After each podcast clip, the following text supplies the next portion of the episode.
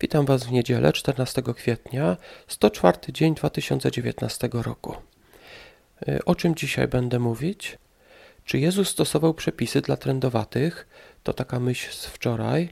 Czy jest coś złego w nazywaniu ludzi ojcami lub nauczycielami? Co daje taką prawdziwą radość? I czy Bóg naprawdę usunie złych ludzi? E, zapraszam do wysłuchania kilku moich komentarzy z rozdziałów przewidzianych na dzisiaj. Księga Kapłańska, rozdział 14. Czytamy tutaj dalej o trądzie, konkretnie o oczyszczeniu się i ofiarę i ofierze, którą należało złożyć po zniknięciu trądu. I także czytamy o trądzie, który występował na domach. Wczoraj mówiliśmy o tym, że trędowaci w czasach Jezusa czasami nie stosowali się do, do, tych praw z Księgi Kapłańskiej i że Jezus przymykał czasem na to oko, albo inaczej mówiąc, nie krytykował ich. Ale czy był on przeciwny prawu mojżeszowemu? Porównajmy może dwa wersety. Najpierw kapłańska 14:2. To jest prawo dotyczące trędowatego w dniu jego oczyszczenia. Będzie przyprowadzony do kapłana. Y, przeczytajmy teraz Mateusza 8:4. A Jezus rzekł do niego: Chodzi o trędowatego, którego uleczył. Uważaj, nie mów nikomu, ale idź, pokaż się kapłanowi i złóż ofiarę, którą przepisał Mojżesz, na świadectwo dla nich. Jezus tutaj przypomina uzdrowionemu, że dalej obowiązują go wszystkie przepisy, na przykład nakaz co do oczyszczenia się i złożenia ofiary. Tak więc Jezus tutaj wskazuje temu człowiekowi, że ma pójść i zastosować właśnie przepisy z kapłańskiej 14 rozdziału.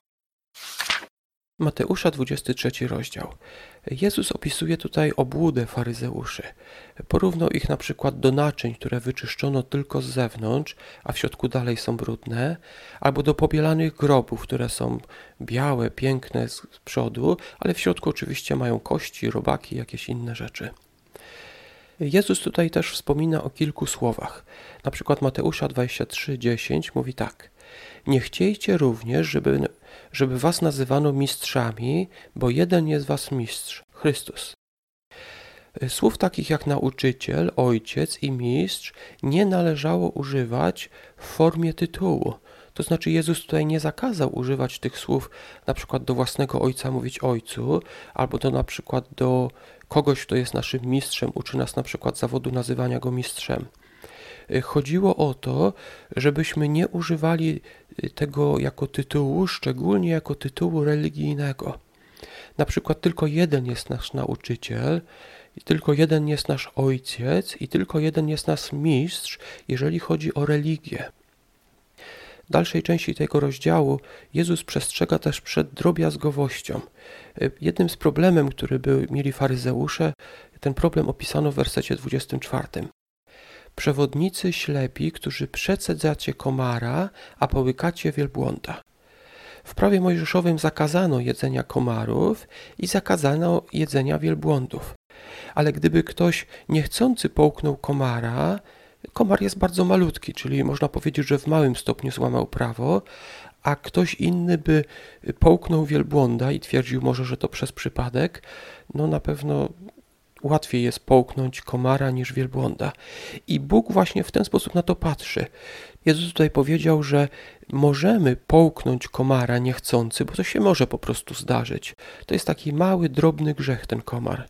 Z kolei wielbłąd to jest taki ogromny grzech i tego powinniśmy unikać. Gdy więc chcemy stosować prawa z Biblii, chcemy je zastosować, Zacznijmy od tych ważniejszych, czyli zacznijmy od wielbłądów. Od tych, unikajmy tych dużych grzechów jak wielbłąd, bo te małe, na te małe Bóg przymknie oko pod warunkiem właśnie, że będziemy unikać tych dużych. Tak więc nie połykajmy wielbłądów, a Bóg wybaczy nam, kiedy czasem połkniemy komara. Psalm 92. Jest to psalm dziękczynny. Czytamy w wersecie piątym, w innych przekładach w wersecie czwartym, bo rozradowałeś mnie, Panie, Twoimi czynami, cieszę się dziełami rąk Twoich. Otaczająca nas przyroda, szczególnie myślę teraz, kiedy jest wiosna, przysparza nam mnóstwa radości. I takie pytanie mam do Ciebie. Czy znajdujesz czas na to, żeby obcować z naturą? Psalmista napisał: Cieszę się dziełami rąk Twoich. Czasami być może narzekamy na to, że mamy mało powodów do radości, ale czy nie ograbiamy się z tych powodów do radości, na przykład tym, że siedzimy w domu zamiast pójść na przykład do parku, czy krótko inaczej mówiąc, wyprowadzić psa y, i spędzić trochę czasu na łonie natury? Y, warto pamiętać o tym i wtedy będziemy mogli, tak jak psalmista, cieszyć się dziełami rąk Boga. Księga Przysłów, 11 rozdział, wersety 19 do 21. W wersecie 21 czytamy: Na pewno zło nie ujdzie bezkarnie, a potomstwo prawych ocaleje.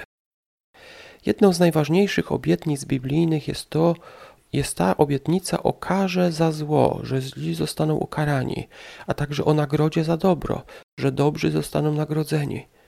Jest to też obietnica, której jest najtrudniej zaufać. Być może właśnie dlatego ten werset zaczyna się od słów na pewno. Na pewno zło nie ujdzie bezkarnie, a potomstwo prawych ocaleje. Co szczególnie warto dzisiaj może zapamiętać? Jak mówi Psalm 92, czerp radość z dzieła stwórczego. Krótko mówiąc, musisz przebywać na łonie natury. Szczególnie myślę teraz, kiedy jest wiosna, warto zastosować tą radę. Ja już dziękuję Wam za wysłuchanie. Zapraszam do kolejnego odcinka jutro. Do usłyszenia.